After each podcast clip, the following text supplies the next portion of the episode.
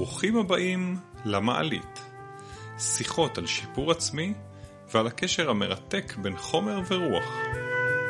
אנחנו, יניב אדרי ודני גולן, פריקים של מודעות עצמית. שנינו בחרנו להקדיש את חיינו להתפתחות אישית, וללוות אנשים בדרך למימוש עצמי ומקצועי. תוך כדי המולת החיים יצאנו לחקור את התודעה האנושית, ואת חידת הקשר בין עולם החומר לעולם הרוח. הוא גיטרה, אני חליל. תבחרו קומה, במעלית. על מה אנחנו מדברים כשאנחנו מדברים על אנרגיה? איך זה שיש ימים שאנחנו מלאים באנרגיה, ויש ימים שהיא פשוט נגמרת? האם יש דרך לנהל את האנרגיה שלנו, ומהו מצבר אנרגטי? מה אנחנו עושים כשמישהו שואב מאיתנו אנרגיה? ומאיפה הכוחות לכל זה? ועוד פלפולים וחוכמות אצלנו במעלית. יוצאים לדרך. אנחנו מדברים על אנרגיה היום, ואני רוצה שנגדיר קודם מהי אנרגיה. מה זה בכלל הדבר הזה? חשמל, רוח, כוח. יש סוגים של אנרגיה. המיקרופון הזה שעכשיו דבוק לי לפה, Uh-huh. הוא אנרגיה ברמת צפיפות מסוימת, והוא עשוי מחומרים מסוימים, ברטט מסוים. גם הדיבור ביני לבינך זאת אנרגיה, פשוט מסוג אחר. אז אתה כבר בלי לשים לב, אתה כבר מדבר על כמה רבדים שהאנרגיה נמצאת בהם. בעצם האנרגיה נמצאת באין סוף רבדים, והמציאות שלנו מורכבת מאין סוף רבדים. רק לדוגמה, אתה עכשיו אמרת שאתה מדבר אליי, אז עוברת איזושהי אנרגיה. פעם אחת, ברובד אחד, עוברת אנרגיה של מלל. זאת אומרת, גלי קול שעוברים, אני שומע אותם, הם עוברים עכשיו גם דרך עניין אה, אנלוגי פה, דרך ההקלטה, ציוד ההקלטה שלנו, אבל המילים שלך אליי גם מייצרות איזושהי אנרגיה שאותה הרבה יותר קשה אה, לסמן או למדוד. אה, היא לא הם- נראית. היא לא נראית, אבל גם, גם אה, אה, אני לא חושב שלי לפחות, או לרוב בני האדם, יש את המדד הברור של איך מודדים את האנרגיה הזאת שעוברת בתקשורת, למשל, בין שני אנשים. כשמישהו אומר משהו למישהו ומישהו אחר מסכים או לא מסכים איתו, עוברת שם גם איזושהי אנרגיה. אין לה צבע, בדרך כלל. יש כאלה שחושבים שאותה בצבעים, אבל היא לא מוגדרת בצבע, היא לא מוגדרת בתדר מסוים, אבל היא בטח עוברת. אתה יודע מה לא ברור לי? לא ברור לי איך האנושות עד היום לא המציאה מכשיר שמודד את התדרים בגוף שלנו. אני כן מכיר מכשירים של רפואת תדרים ודברים כאלה, וקוראי עילות וכל מיני כלים כאלה, אבל משהו אישי שלך, נגיד אפליקציה כזאת על הטלפון, שאומרת לך, וואלה, אתה עכשיו יש לך, יש לך מעט צ'י, יש לך מעט אנרגיה, צ'י זה מהתורה הסינית, יש לך מעט אנרגיית חיים. קמת בבוקר, יש, סגרו לך את הברז, יש לך מעט אנרגיה של חיים. או אתה, כדאי לך עכשיו ללכת לנגן, או ללכת אה, לרקוד, או, או לא יודע מה, לספר בדיחות, או להיפגש עם חברים, כדי להעלות את האנרגיה שלך. אין, אין לנו איזה מין מדד, או, או איזה מין כלי שעוזר לנו לנהל את האנרגיה בגוף שלנו וביום יום שלנו. בשביל זה אני חושב שאנחנו כאן היום. אני חושב שאנחנו כאן אנחנו בשביל- הכלי הזה? אנחנו אה, משתייכים, אני חושב, לאנשים שסקרנים על הדבר הזה, שהוא בלתי נראה והוא בלתי מדיד, אה, ורוצים להבין אותו קצת יותר, ורוצים לשלוט בו, האמת, גם קצת יותר. כי כשאתה אמרת עכשיו שאני קם היום בבוקר, ו- ואני מצוברח, ועכשיו אני רוצה להעלות את רמת האנרגיה, מה כדאי לעשות? לרקוד, לשיר, לדבר עם חברים? זאת אומרת שיש פה איזו אמירה שאני רוצה לשלוט על רמת האנרגיה שלי. האמירה שלי, זה אפשרי. זה מאוד מאוד מאוד מורכב. כמו שזה מורכב, זה גם מעניין, אבל זה אפשרי. והיום אנחנו נדבר על, על, על כמה אפשרויות איך, איך להעלות אנרגיה.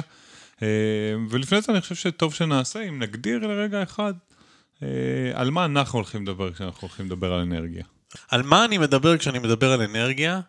על משקל, על מה אני מדבר כשאני מדבר על ריצה, הספר האלמותי של אה, ארוכי מורקמי הסופר. תראה, הבן אדם אולטרה מרתוניסט, רץ 100 קילומטר, כל מיני מרחקים הזויים. הוא בטוח עושה עם עצמו איזשהו תהליך של ניהול האנרגיה בגוף שלו. תראה, באיזשהו שלב האנרגיה הפיזית יוצאת מהגוף, זאת אומרת, השרירים שלך אה, יש להם capacity מסוים, ומתישהו יש איזו אנרגיה אחרת שאתה מצליח כנראה להביא אותה ממקום, ממקור אחר לגוף שלך כדי להמשיך את המרתון. לא שאני מומחה בדברים, אני בקושי רץ 100 מטר, אבל... אז אה, אה, תשמע, ארוכי מורקמי, קודם כל, סופר ענק, והספר הזה הוא אחד החביבים עליי מכמה סיבות. אחד, אין לו עלילה, העלילה שלו היא מה קורה לסופר הזה, לבחור הזה. כשהוא רץ 100 קילומטר, הוא מתאר את זה, ואפשר ללמוד מזה המון על ניהול אנרגטי בשלושה מובנים. אחד, המובן של האנרגיה הפיזית שבן אדם רץ 100 קילומטר. איך? בסוגריים, לעזאזל, יש לו כוח לרוץ 100 קילומטר ולהישאר בחיים. אתה רץ 100 מטר, אני 50 וגמרתי. אז מה, איך, איך הוא עושה את זה? פיזית. אנרגיה פיזית. האנרגיה השנייה, שברור שהיא חייבת להיכנס כאן, היא אנרגיה מנטלית כלשהי, זאת שנותנת לו את הכוח להמשיך, לא להישבר. אם חושבים על זה קצת, מאוד יכול להיות שהאנרגיה המנטלית הזאת מדברת עם האנרגיה הפיזית, היא נותנת לו, במילים הפשוטות, היא נותנת לו כוח להמשיך, והיא נותנת לכולנו כוח להמשיך את היומיום שלנו. האנרגיה השלישית היא האנרגיה שעוברת מהספר הזה אליי כשאני קורא אותו. וכמובן יש עוד המון אנרגיות, האנרגיה שהספר מחזיק בעצמו. הדפים האלה, יש בהם מילים, למילים יש כוח ויש אנרגיה. זה אומר שיש אנרגיה היא, היא אולטרה רובדית. אנחנו ננסה לתפוס אותה היום מכל מיני אה, כיוונים. כשאני חושב על אנרגיה, הרבה פעמים אני חושב על מצב רוח. זה מה שעולה לי, זה, זה האינטר... האסוציאציה הראשונה שלי לאנרגיה היא מצב רוח. יש לי אנרגיה או אין לי אנרגיה, מתחבר לי, יש לי מצב רוח או אין לי. אה, ואני רוצה לשאול אותך, יש קשר בין אה, אנרגיה למצב רוח, שזה שני דברים נפרדים, ואם כן, איזה אנרגיה זאת? טוב, אז אני דווקא חושב שאצלי המצב הוא לאו דווקא מחובר למצב הרגשי. זאת אומרת שאני קם בבוקר, אני מיד, איך שאני פותח, פוקח את העיניים, המהירות שבה אני מקיץ, אה, מיד אני עוד, יש לי תחושה, אני לא יודע, יש לי תחושה, היא לא רגשית, אבל אתה יודע, בוא נקרא לזה הבנה, על כמה אנרגיה יש לי באותו יום. זה קשור כנראה ב- בלילה שלי, איך ישנתי, ומה חלמתי, ומה עשתה התודעה שלי בזמן ש, שישנתי. בכל מקרה, זה, אני יכול ממש אה, לקום בבוקר ולהגיד, וואלה, אני היום עם הרבה אנרגיה, אני היום עם מצב ביניים, או היום האנרגיה שלי ממש נמוכה. עכשיו, במצבים כאלה, המודעות הזאת לאיך קמתי, ואיך אני, איך, באיזה מצב אני, מאוד עוזר לי בהמשך היום לנהל את, ההמשך, את המשך היום שלי, שהוא מאוד מאוד עמוס בדרך כלל. במצבים האלה, כשאני עם, עם הרבה אנרגיה, אני יכול להספיק הרבה יותר, כשאני עם מעט אנרגיה, אני אה, מוריד קצב. זאת אומרת, המודעות באיזה מצב אנרגטי אני נמצא, מאוד מאוד עוזרת לי לחלק במשך היום את, ה, את הדחיסת אנרגיה שלי, לפרוס אותה בצורה יותר נבונה. אתה מתאר פה, פה בעצם תהליך שהוא תהליך גבוה של מודעות. אתה, אתה אומר, אני מקבל איזשהו נתון, פחות או יותר, הוא לא מספרי, אבל הוא נתון על רמת אנרגיה, וממנו אני גוזר את היום שלי, את הפעילות. אני רוצה לשאול אותך, איך, איך נבנה המדד הזה? מה, זה משהו שנולדת איתו, או שבנית אותו אה, במשך הזמן? זה, אני חושב שזה עניין של ה... נקרא לזה השנים האחרונות. אני שואל את עצמי, יש לי כוח, אין לי כוח. עכשיו, אני מחזיר אותך לעניין המצב הרגשי. Mm-hmm. אני משוכנע שמצב רגשי משפיע על מדד האנרגיה. כשאני שמח, יש לי יותר. כשאני אה, עצוב, אה, או מדוכא, או מצוברח מאיזושהי סיבה, האנרגיה שלי יורדת. זאת אומרת, בהמשך למה שאמרת קודם, היכולת שלנו להיות מודעים למצב שלנו ולהעלות את האנרגיה שלנו זה הרבה בעזרת הרגשות. עכשיו, אם, אם אני מצוברח, או אני יכול לספר לעצמי הרבה סיפורים שאני רוצה להיות שמח, אבל אני לא שמח. מה עושים במצב כזה? תראה, בתוך הדברים שלך מתחבא עוד פן טריקי של המילה הזאת אנרגיה. כי כשאתה מדבר על אנרגיה, כמו אני מניח רוב האנשים, אתה מדבר על אנרגיה של שמחה, אנרגיה של... אה, ש, שנותנת כוח בגוף, כוח לעשות, אה, להתחבר לאנשים אחרים, ככה, מן הסתם כשאני יותר שמח או נעים, אז אנשים גם מתחברים אליי, זאת אומרת, זה, זה, אבל זה אנרגיה מסוג אחד. עלתה לי השאלה, האם אותו עצב, או נקרא לזה אותו כעס, או דיכאון, או תחושות, נקרא, מה... מהספקטרום, מהספקטרום השלילי, אתה מתכוון. מהספקטרום של הרגשות שאנחנו קוראים להם השליליים, האם הם אה, גם אנרגיה? אני טוען שהם אנרגיה בפני עצמה, אה, שגם היא מחולקת לכמה רבדים. רובד אחד הוא הרובד שאנחנו מנסים לדכא אותה כי הם שליליים. אז זאת אנרגיה שמקבלת אה, כל הזמן איזה, איזה אמירה כזאת שלא בסדר. לא בסדר להיות עצוב. לא בסדר להיות עצוב, לא בסדר להיות מדוכא, וכשאני מתייחס למצב רוח כאל סוג מסוים, צבע מסוים של אנרגיה, ברור שאני מעדיף, כי אני בן אדם, אני חי בעולם הזה, וככה, יש לי את המנעד רגשות שלי, אבל אני, ואני מעדיף לא להיות שם.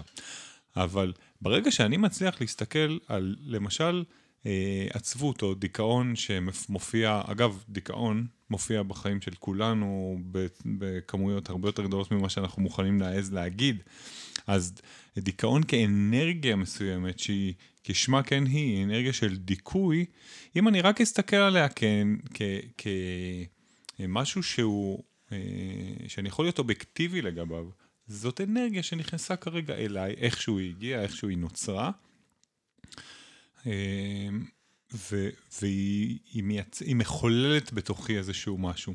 עכשיו, יש ימים שאני אגיד, וואלה, אני יודע להרים אותה. אני עצוב, אני יודע לעשות משהו שישמח אותי, הלכתי, רקדתי, קניתי לי משהו, כן? אנשים קונים דברים, זה משמח אותם, מכניס אנרגיה, אחלה, יצאתי. ויש ימים שאני אגיד, לא, אני מקבל את אנרגיית העצב הזאת, את האנרגיה הנמוכה הזאת או התחוסה הזאת, וקורים שני דברים יפים בעיניי. אחד, עצם הקבלה על כל דבר בחיינו משקיט ומנמיך את הרעש. דבר השני, זה שאני מתחיל להבין שאני מכלול של אנרגיות, ומצבי רוח הם גם סוגים של אנרגיה, ואני מכלול, ואני יכול אפילו לפעמים לראות, אם אני ממש במקום נקי, עם עצמי, יותר קל לראות על אחרים, איך דווקא אנרגיה שלילית, או איך מצב רוח שלילי, דוחף מייצר אנרגיה מאוד חזקה, כן?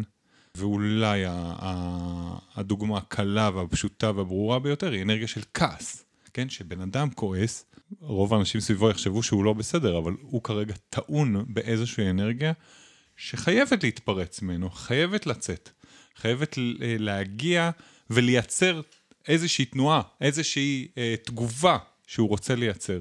כל מה שאני מציע בשלב הזה בדיבור על אנרגיה הוא להסתכל על כל דבר כייצוג אנרגטי. אני רוצה להסתכל על אנרגיה מזווית נוספת שנקראת המצבר האנרגטי שלנו. Mm-hmm. לפי התפיסה שלי, או לפי האמונה שלי, אנחנו מגיעים לפה לעולם עם מכלול אנרגיה מסוים. נקרא לזה מימון אנרגטי. מימון אנרגטי שבא לידי ביטוי בכמה נשימות אנחנו ננשום, כמה אה, אנרגיה אנחנו נשקיע בכל מיני דברים שנעשה במהלך החיים שלנו. אה, היכולת שלנו להשקיע אנרגיה מסוימת בדברים מסוימים ולדחוס אותה, זאת אומרת, לקחת ולמשוך הרבה אנרגיה. מאיפה אני מושך אותה? כנראה שיש איזה מערכים חיצוניים לי שאני יכול דרכם למשוך אנרגיה. לפעמים אני עושה משיכת יתר, והמשיכת יתר הזו יכולה להיות לי לרועץ, היא יכולה לתקוע לי את החיים, היא יכולה אפילו לפגוע לי בהמשך תסריט החיים שלי. זאת אומרת, אם יש לי סך מסוים של אנרגיה, אני צריך ללמוד לפרוס אותה כמו בפרוסות לאורך כל החיים. כי אם אני אתאמץ על משהו שאני לא אמור לעשות אותו לפי התסריט חיים שלי, ואני חוזר לפרק על הייעוד, הפרק הראשון שלנו, שהוא כנראה העוגן שלנו, mm-hmm. אז אם אני אה, דוחס את האנרגיה שלי ומנסה לעשות משהו שהוא לא אני, אז יכול להיות שאני מבזבז אנרגיה, יכול להיות שאני מקצר את החיים שלי, או שאני אהיה חולה, או שלא יודע מה, לא יהיה לי אנרגיה להמשך מהלכים בחיים. מה שאני מציע בשלב הזה זה להסתכל על החיים שלנו כאל מצבר אנרגטי. שאנחנו יכולים מצד אחד למלא אותו, מצד שני אנחנו צריכים לשמור עליו, זה ללמוד לה קצת להגיד לא לסביבה ולהגיד אני את זה לא עושה כי זה מבזבז לי אנרגיה, או אני מזה לא נהנה כי זה לא ממלא אותי. אני מגלה שתחושת האנרגיה שלי ואני בכוונה אומר תחושת אנרגיה, כי אני לא יודע למדוד את זה, תחושת האנרגיה שלי מאוד עולה כשאני אה, יעיל. כשאני עושה דברים שאני יודע שאני צריך לעשות, כשאני תורם לסביבה שלי, כשאני תורם לעצמי, אתה יודע מה? אפילו שאני מתקן דברים בבית ובהצלחה, אני מרגיש נורא אנרגטי. אני מרגיש נורא יעיל, אפקטיבי, וזה מעלה לי את האנרגיה בצורה בלתי רגילה. מה אתה חושב על זה? זה, זה, זה, זה אמיתי? זה אני פולס? חושב זה... שמופרש לך הורמון שנקרא דופמין. מהמם. דופמין זה הורמון שמופרש כשאתה עושה וי על טסקים, על משימות, ואתה... זה עושה לך טוב שביצעת. זה עושה לך תחושת ערך. הורדתי לקרקע, ביצעתי, תיקנתי, אני יעיל, מופרש לי איזה הורמון, הוא ממלא אותי בתחושת אה, רווחה, לא יודע, גאווה אפילו מול אשתי, שאני בכל לגמרי, זאת כן, מסוגל, בכל זאת מסוגל לתקן את המנעול שכבר שנה היא מבקשת ממני שאני אתקן, או את. המזגן, או כל מיני דברים. אה, זה קורה אחד לעת, אתה יודע, אני תמיד מזמין את לי איזה הנדימן חבר שיעזור לי כשהיא לא בבית, כזה. ולוקח את הקרדיט. כן.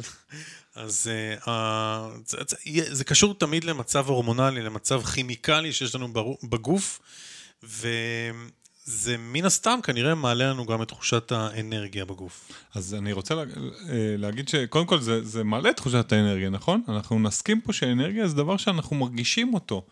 ואני רוצה להרחיב אותו, אפרופו על זה שאתה דיברת שהעוגן שלנו זה הפרק הראשון, אני רוצה רגע להרחיב את זה לחיים שלמים ולשאול, או לדבר, על האם אה, אנרגיה קשורה ל, לא רק למשימות, אלא למימוש עצמי באופן כללי. אה, כן, דיברנו על ייעוד, ו, והאם האם כשאני במימוש של עצמי, אני מרגיש אנרגיה יותר גבוהה, יותר רציפה, פחות נפילות, יותר אה, אולי רמות גבוהות יותר שלא הכרתי. אנחנו צריכים להיות מודעים לזה שהמסלול האנרגטי בחיים שלנו לא יהיה יציב. זאת אומרת, יהיו עליות, יהיו ירידות, ויהיו גם מישורים, אבל לא, לא רבים. אנחנו צריכים להיות באיזושהי מודעות לזה שאנחנו בעלייה וירידה, אבל המגמה היא עלייה. עכשיו, תראה, אני רוצה לקחת אותך רגע לסיפור על אה, מפגש שהיה לי עם אסטרולוגית לאחרונה. מעבר לסיפור האישי שלי, של מה שהיא סיפרה על ה... עליי ועל מצב התודעה שלי ועל uh, מצב הכוכבים והשמיים וההקשר שלי, יצאתי מהפגישה ונפל לי אסימון גדול. פתאום הצלחתי לראות איך אני מכוות, מהמילה חוטים, באיזה מין מארג אנרגטי שהוא כמו, כאילו, תדמיין קורי עכביש שבאמצע של, ה, של הרשת הזו, אה, אתה יודע, תמיד זה מתחיל מאיזה עיגול, ואז יש עוד עיגולים, אבל במרכז אני נמצא ואני מושפע מהמון המון חוטים, חוטי אנרגיה. לפעמים יש חוט אחד שמושך אותי יותר, או כמה חוטים שמושכים אותי יותר, וממש יכולתי לראות איך זה קשור בגרמי השמיים, כאילו איך הכוכבים בשמיים מושכים אותי לכל מיני כיוונים. אני לא יודע להגיד איזה, ואני בור ועם הספר בדבר, בהבנה אסטרולוגית, אבל יכולתי לראות איך אני מושפע אנרגטית מכל מיני מצבים. ואז אתה יודע איזה, איזה מחשבה מרגיעה הגיעה אליי? אמרתי לעצמי, אוקיי, כנראה שיש תקופות שהכוכבים מסתדרים ככה, שרמת האנרגיה שלי היא נמוכה. ושאני אה, כנראה אהיה באנרגיה שהיא לא הכי גבוהה והיא לא הכי משמחת, ואני... אין לי כל כך מה להילחם עם זה. זאת אומרת, זה, זה כרגע איזה מין תקופת מעבר שאני צריך לחיות איתה. וברגע שהבנתי את זה, פחות uh, הייתי לחוץ מזה שיש לי אנרגיה נמוכה, או שאני לא ב- בשיא העשייה שלי. אני חושב שכדאי לנו להסתכל על החיים שלנו ולנסות להבין באיזה שלב אנחנו, ואיך אנחנו במארג האנרגטי הכולל, להבין שלא הכל תלוי בנו.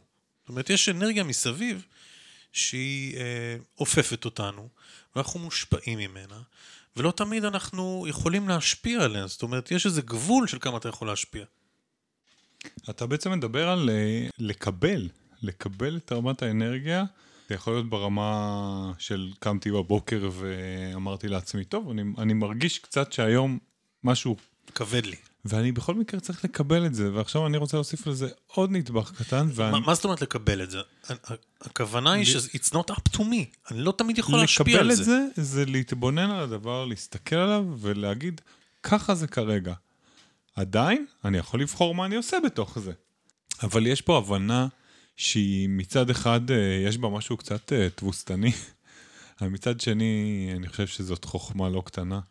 לדעת רגע להסתכל ולהגיד, ככה זה היום, מה אני אעשה? ככה אני מרגיש היום, או אה, אלו התגובות שאני מקבל היום מאנשים. אתה יודע, קורה לי לפעמים שאני קם עם אנרגיה מאוד טובה. אגב, שנים על שנים כבר אני שמח להגיד שאני קם עם אנרגיה טובה. אני, אני, לא, אני לא חלש, המצבר מלא, אבל יש ימים שכמה שאני ארגיש טוב עם עצמי, אני אקבל, אתה יודע, בהודעות, בשיחות, מסרים כאלה שאני אחבר עוד שיחה ועוד שיחה, ואני אגיד, וואלה, היום, ה, איך אומר? מנחוס. המנחוס, ה- היקום רוצה להגיד לי משהו, הקרמה, הנערף, כל, כל דבר כזה. אבל יש טריק אה, להעלאת אנרגיה. אני מלמד אותו איך להעלות אנרגיה, ובכלל איך להיכנס לפעולה, אפרופו יעילות. והטריק הזה נקרא מדד היושרה. מה זה יושרה, אתה יודע? משתדל להיות ישר רוב הזמן. אז uh, רוב האנשים uh, אומרים שהם רוצים להיות ישרים, היושרה היא, היא ב- בלעז אינטגריטי, זה אה, מידת האחדות שלי עם מה שאני מתכוון לעשות. זה אומר שאני רוצה לעשות משהו ואני עושה אותו, או שאני יודע שאני צריך לעשות משהו ואני עושה אותו. כלומר, אין פער בין מה שאני רוצה למה שאני עושה בפועל? תמיד יהיה פער, אבל... אה, כי אנחנו רוצים הרבה דברים, אבל אנחנו מנסים אה, אה, למזער, למזער את הפער הזה. במילים מאוד פשוטות, אני עושה לעצמי רשימה של דברים שאני רוצה לעשות, גם היום וגם בכלל, וככל שאני מצליח לממש יותר דברים, כמו שאתה קראת לזה קודם, לסמן יותר ויים, אני נמצא בעצם על, על, אה, על מקום טוב מבחינת היושרה שלי עם עצמי. ברגע שאני מתחיל לחיות ככה, זאת אומרת, עובר, כל יום הוא עושה לי רשימה, כל יום ממלא אותה. אם אני לא מצליח למלא אותה עד הסוף, ואני לא מצליח למלא אותה כמעט אף פעם עד הסוף, אני מבין ומקבל את זה, ובעצם אני מתחיל לגלגל איזשהו גלגל שאומר, אני רוצה משהו, אני פועל למענו, אני רואה גם לפעמים תוצאות, אני מסמן לי וי, אני אומר לעצמי כל הכבוד, אני רוצה עוד, ולאט לאט אני עובר להיות ב- בתוך מה שאני קורא לו מעגל היושרה, שהוא המעגל שממלא אותי בעצם באנרגיה, אני מגלגל אותו. בעוד שאני פוגש, פגשתי את עצמי פעם, אני פוגש אה, אנשים שרוצים הרבה דברים, כולם רוצים, אבל לא עושים בשביל זה. או, או, או, זה נשאר ברמת אנרגיה תיאורטית. זה נשאר ברמת אה, אה, דיבורים אה, כמו חול, ו... רגע, שנייה, שנייה, אל תזלזל בזה. דיבורים זה טוב. זה אנרגיה שהיא עוד לא ירדה לרמת המימוש. נכון, היא אבל- עוד בתיאוריה. נכון, אבל כשבן אדם אה, רוצה לעשות משהו, אני מאוד, אה, כרגע מאוד אה, על, על הקרקע עם הדבר הזה, שבן אדם רוצה לעשות משהו והוא לא עושה אותו, So do it! יפה, לכן, לכן אגב לפעמים אומרים, just do it. יש לך משהו, just do it, למה? כשבן אדם רוצה לעשות משהו ולא עושה אותו, גלגל האנרגיה, גלגל היושרה שלו מתגלגל הפוך, ובעצם הדברים שאנחנו רוצים לעשות, אה, הבטחתי לעצמי שאני... אה, יעשה פודקאסט? אעשה פודקאסט, כתוב בלוג, אה, ילמד להכין אה, סושי, אני יודע, כל מיני דברים שהבטחתי לעצמי, שאני אסדר ל- לאשתי את המנעול של הדלת, הבטחתי. הדברים האלה לא נמחקים לנו מהממורי, הם לא נמחקים, הם יושבים בראש ומחכים לביצוע.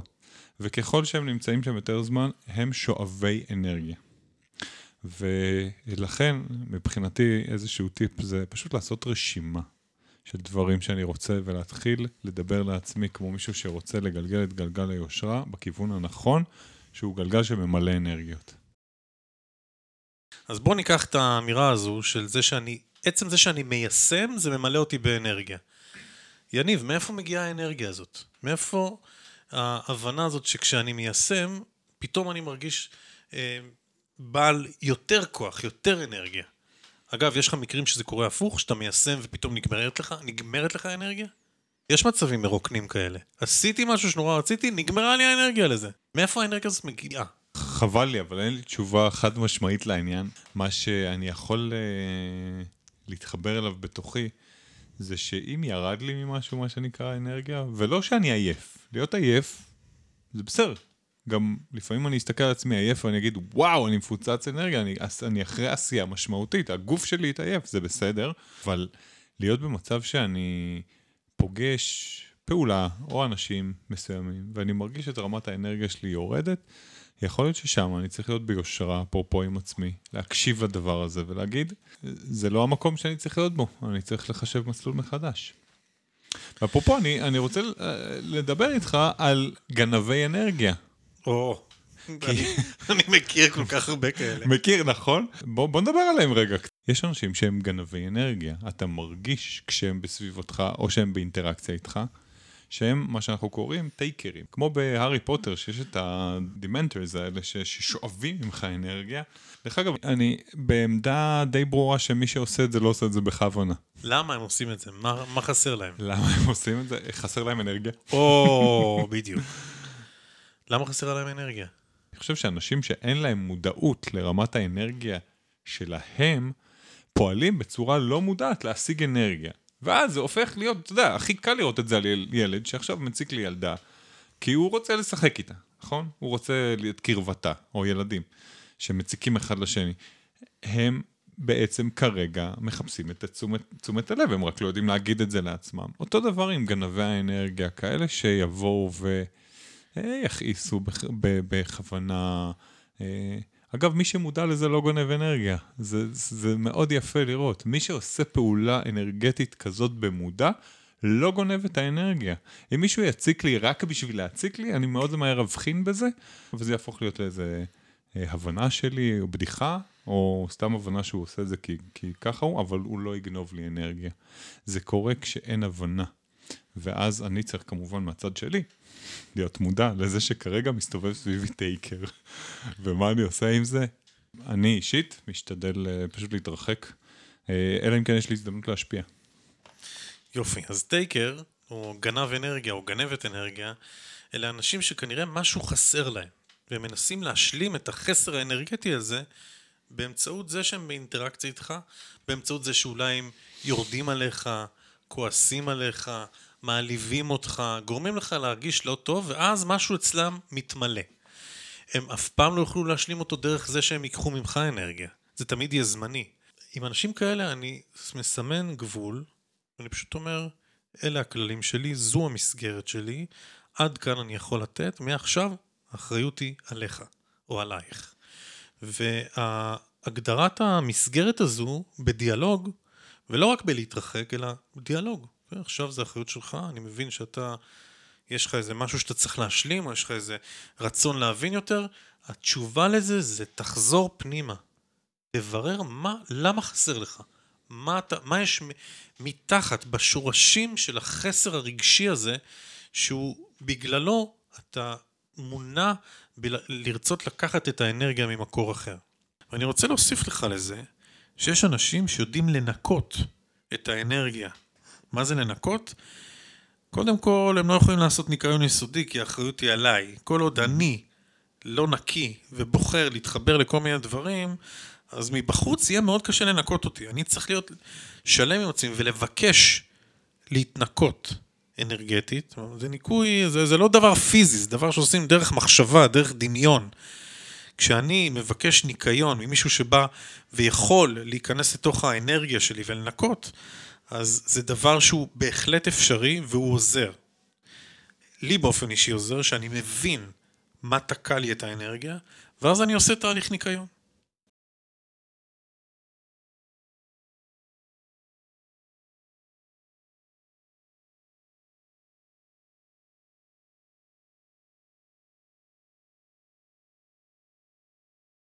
האם אנחנו צורכים אנרגיה, או שאנחנו גם מייצרים אנרגיה?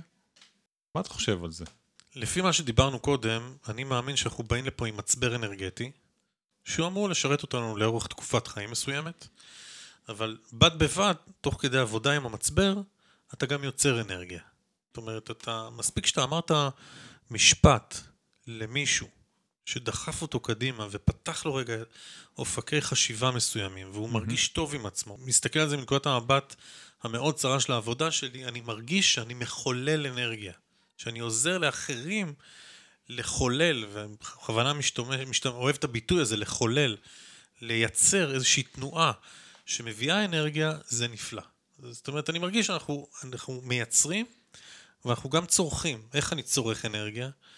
כשאני אה, אה, אוכל, אני צורך אנרגיה. Mm. אני צורך פחמן, שהופך להיות, אה, אחר כך בנשימות שלי אני מפרק אותו, פחמן דו-חמצני. אה, כן, אבל פה אתה מדבר על אנרגיה פיזית. נכון. האם אני צורך אנרגיה של מישהו אחר? אנרגיה שהיא לא פיזית, אני רוצה לחשוב שאני לא אגואיסט ואני לא גונב מאחרים ושיש לי את המצבר שלי ואני לא צריך לקחת אנרגיה מאחרים. אני רוצה לחשוב שאני מצליח למלא, כשאני מדויק עם עצמי, את האנרגיה שלי אה, דרך דברים שממלאים אותי. וכשאני מרגיש ריק, אז אני חוזר אל הדברים שממלאים אותי. לנגן, אה, להיות עם חברים, אה, לא הרבה, עם אה, שניים שלושה חברים,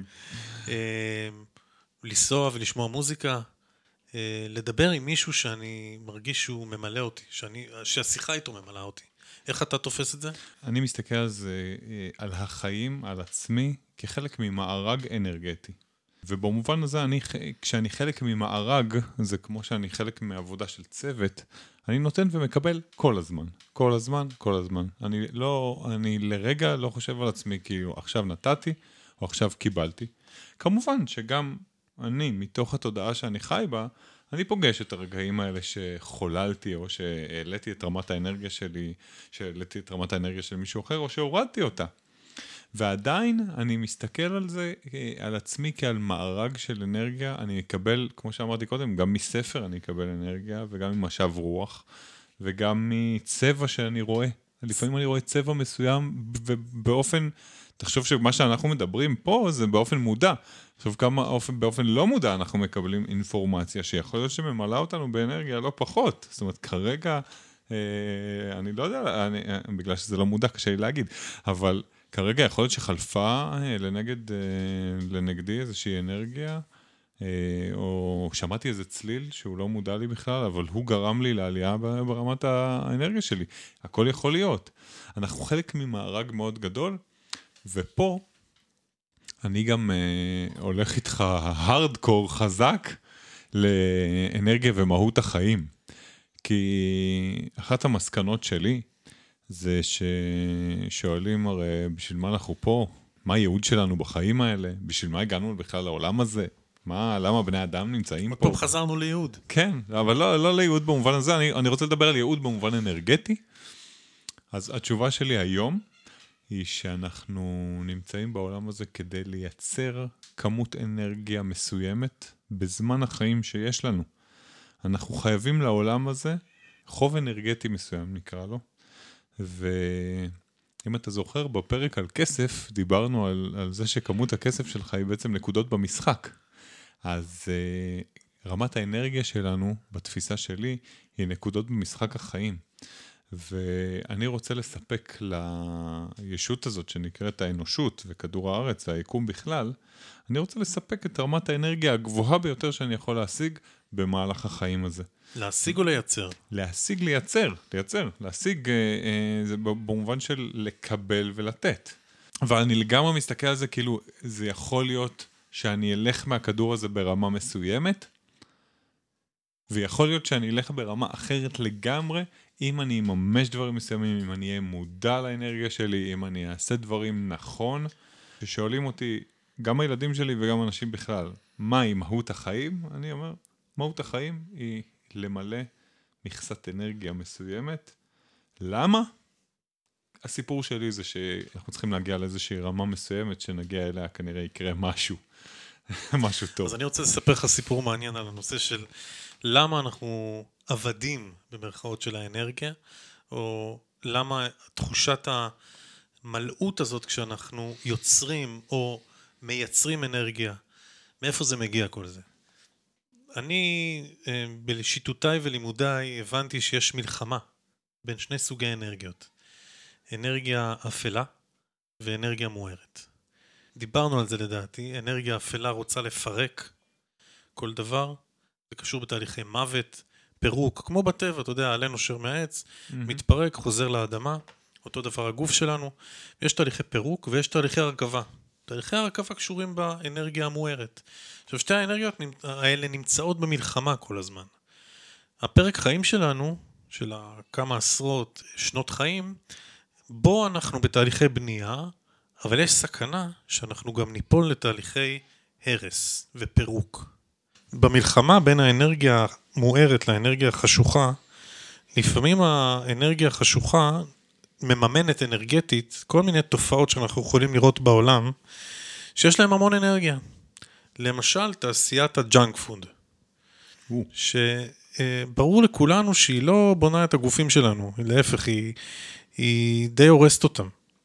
אבל היא קיימת, ואז איך יכול להיות שיש לזה מימון אנרגטי לדבר הזה? או קח את תעשיית התרופות, חלק גדול ממנה, לא כולה. חלק גדול מתעשיית התרופות רוצה להנ- להנציח את בני האדם חולים. כי כל עוד בני האדם יצרכו תרופות ויהיו לא בריאים לגמרי, אבל גם לא, לא חולים ומתים, היא תמשיך להרוויח.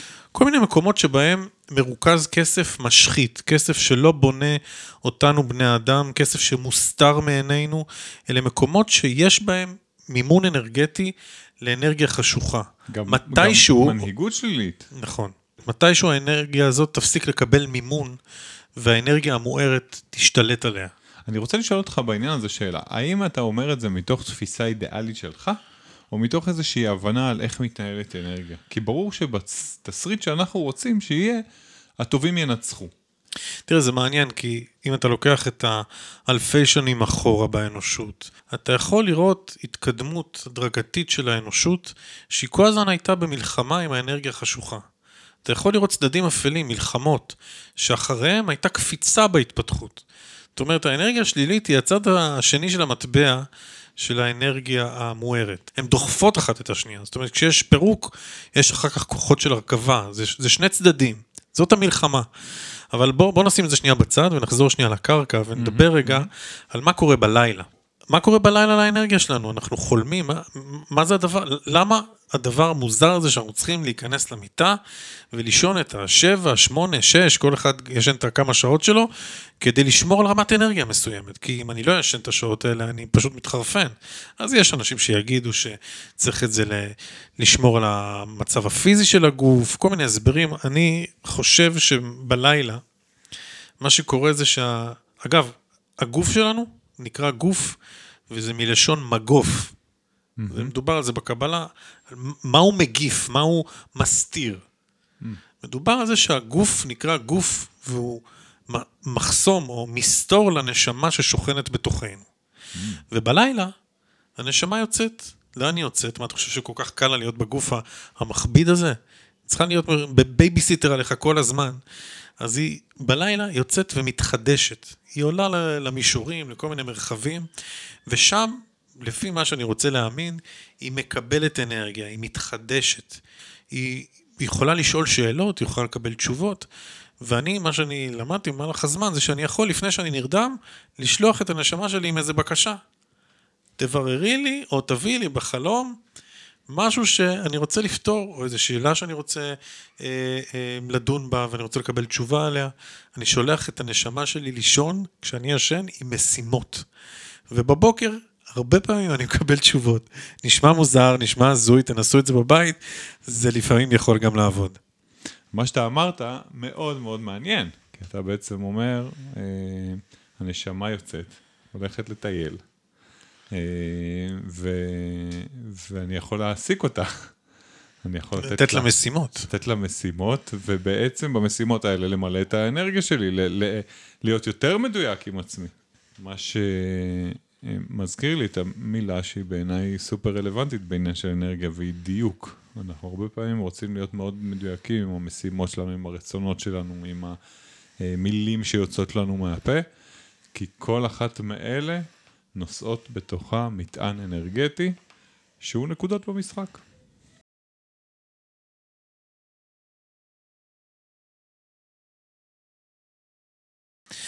עכשיו אני רוצה לדבר איתך על המערך האנרגטי בגוף שלנו ועל מרכזי האנרגיה. תראה, כבר לפני אלפי שנים, תרבויות אה, כמו הסינית העתיקה, היורבדה, התרבות ההודית ועוד תרבויות מדברות על זה שיש לנו שבעה מרכזי אנרגיה בגוף ועוד מרכזי אנרגיה שמפוזרים לאורכו ולרוחבו של הגוף שנקראים מרידיאנים. אנחנו יכולים לעבוד עם האנרגיות האלה. קודם כל אנחנו צריכים לדעת איפה הן נמצאות. העליונה ביותר נמצאת, נקראת כתר, היא נמצאת בבסיס של הראש שלנו, כאילו בחלק הכי גבוה של הבן אדם, זה נקרא הכתר. דרך הכתר נכנסת אנרגיה, שזורמת לכל שאר מרכזי האנרגיה. והמרכזי אנרגיה האלה יש להם תפקיד בהתנהלות שלנו עלי אדמות. זה לא סתם שיש לי עין שלישית ושיש לה תפקיד, וזה לא סתם שיש לי צ'קרת גרון, זה המיקרופון שלנו, וזה לא סתם שיש לי מרכז לב, שנקרא צ'קרת הלב, ומקלעת השמש, והצ'קרות התחתונות. דיברנו על המצבר האנרגטי שאיתו הגענו. כשאנחנו מושכים אנרגיה בחוץ, היא מגיעה דרך מרכז הכתר, ומיד היא שולחת תודעה למרכז ה... לשורש, למרכז האנרגטי הנמוך ביותר, בדרך אליך אנרגיה למימוש. מרכז אנרגטי תהיה מוכן, אני שולחת לך רכבת של אנרגיה. רכבת של אנרגיה למימוש, כן? Mm-hmm. עכשיו, מה קורה בדרך? לפעמים רכבת נתקעת. איפה היא יכולה להיתקע? אני לא יכול לבטא את זה בגרון, בצ'קרת הגרון שלי, אני לא יכול לבטא mm-hmm. את זה בלב, לא יכול להכיל את האנרגיה הזאת, אז היא נתקעת בלב. אז היא נרקעת במרכז הזה, מרכז הלב, מרכז האנרגטי. עכשיו, כשאני מודע לזה, שיש משהו שאני צריך לעשות, אבל אני רגשית, קשה לי להתנהל עם זה, חייבים להבין שזה תקוע במרכז אנרגטי שאומנם הוא לא, לא נראה, אבל הוא קיים. עכשיו, היכולת שלי להבין שאני בנוי אנרגטית מכל מיני מערכים, אני עכשיו צריך להזרים אנרגיה של עשייה, או עכשיו אני צריך להזרים אנרגיה של הנאה.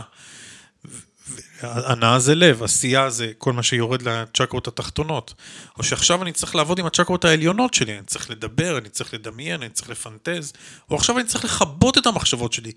כי, כי המרכז, הכתר שלי וה, והעין השלישית שלי הם ב overload. אני כל הזמן עסוק במחשבות, אני לא מסוגל ליישם, אני לא יכול להוריד למטה לביצוע, אז אני מודע לניהול האנרגיה במערך של הגוף שלי.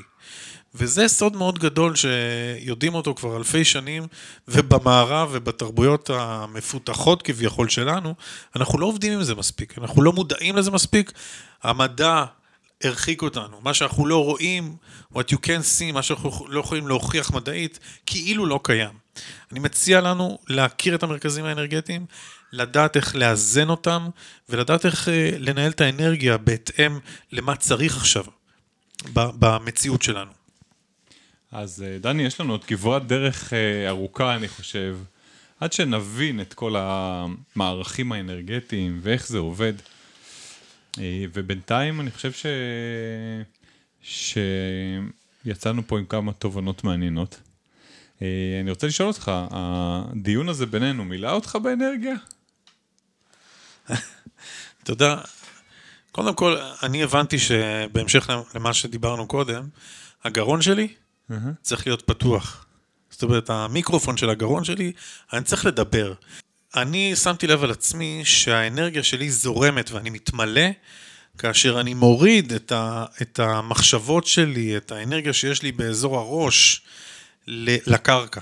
ולדבר זה להוריד לקרקע, זה לא להביא למציאות, זה להקליט, זה לשמוע, זה דברים, זה אנרגיה ברמה דחוסה. וכל עוד אנחנו מדברים ומביאים את הרעיונות לידי ביטוי בשטח ובחומר, אני עושה את שלי, אז אני מתמלא באנרגיה, וזה כיף גדול מבחינתי. אה, אז אני יכול להגיד לך כן, שהשיחה שלנו ממלאת אותי באנרגיה. אתה דיברת פה על כוח המחשבה, ואני חושב שזה קשר מרתק בין המחשבות שלנו לאנרגיה שהיא יוצרת. אה, לפעמים אני רק אחשוב על בן אדם משהו, והוא ירגיש את זה, נכון?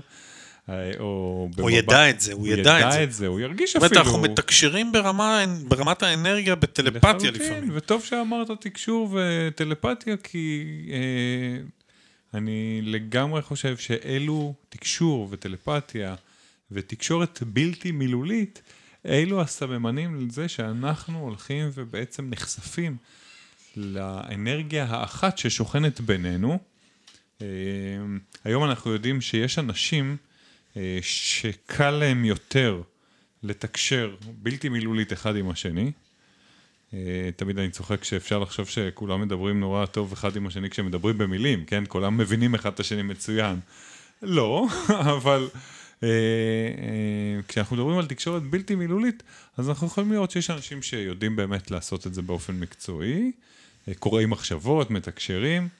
יש אנשים שביניהם יש קשר, אה, אנשים רגילים, אבל שיודעים, נגיד שעם אימא יש קשר מיוחד, היא יודעת לקרוא מה אני חושב, היא יודעת לקרוא אותי.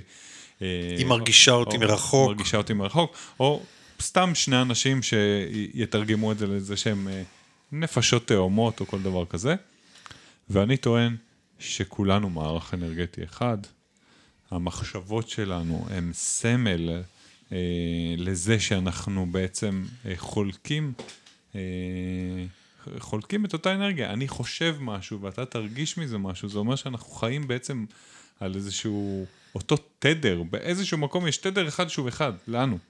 וברגע שיש תדר אחד שהוא אחד לנו, אז uh, אני גם מניח שיש תדר אחד שהוא אחד לכולם, וזה מחבר אותי לתודעת האחד. תודעת האחד אומרת שבעצם כל היצורים וכל החומר שנמצא על כדור הארץ שייך לאנרגיה אחת, לתדר אחד מסוים, הכל אחד בעצם, כן? אה, שית, מכלול אחד שהתפרק, אין סוף התפרקויות, אה, והמכלול הזה כנראה אה, יש לו איזושהי מוטיבציה גם להתחבר לאט לאט. אז אני מקווה שבאנרגיה טובה אנחנו גם עוזרים לו להתחבר, ובתקשורת טובה אנחנו עוזרים לתדר הזה להתבהר ולא להתפרק. עד כאן המעלית. נשמח לתגובות, תובנות ואפילו ירידות באתר האינטרנט שלנו. חפשו בגוגל המעלית עם יניב אדרי ודני גולן.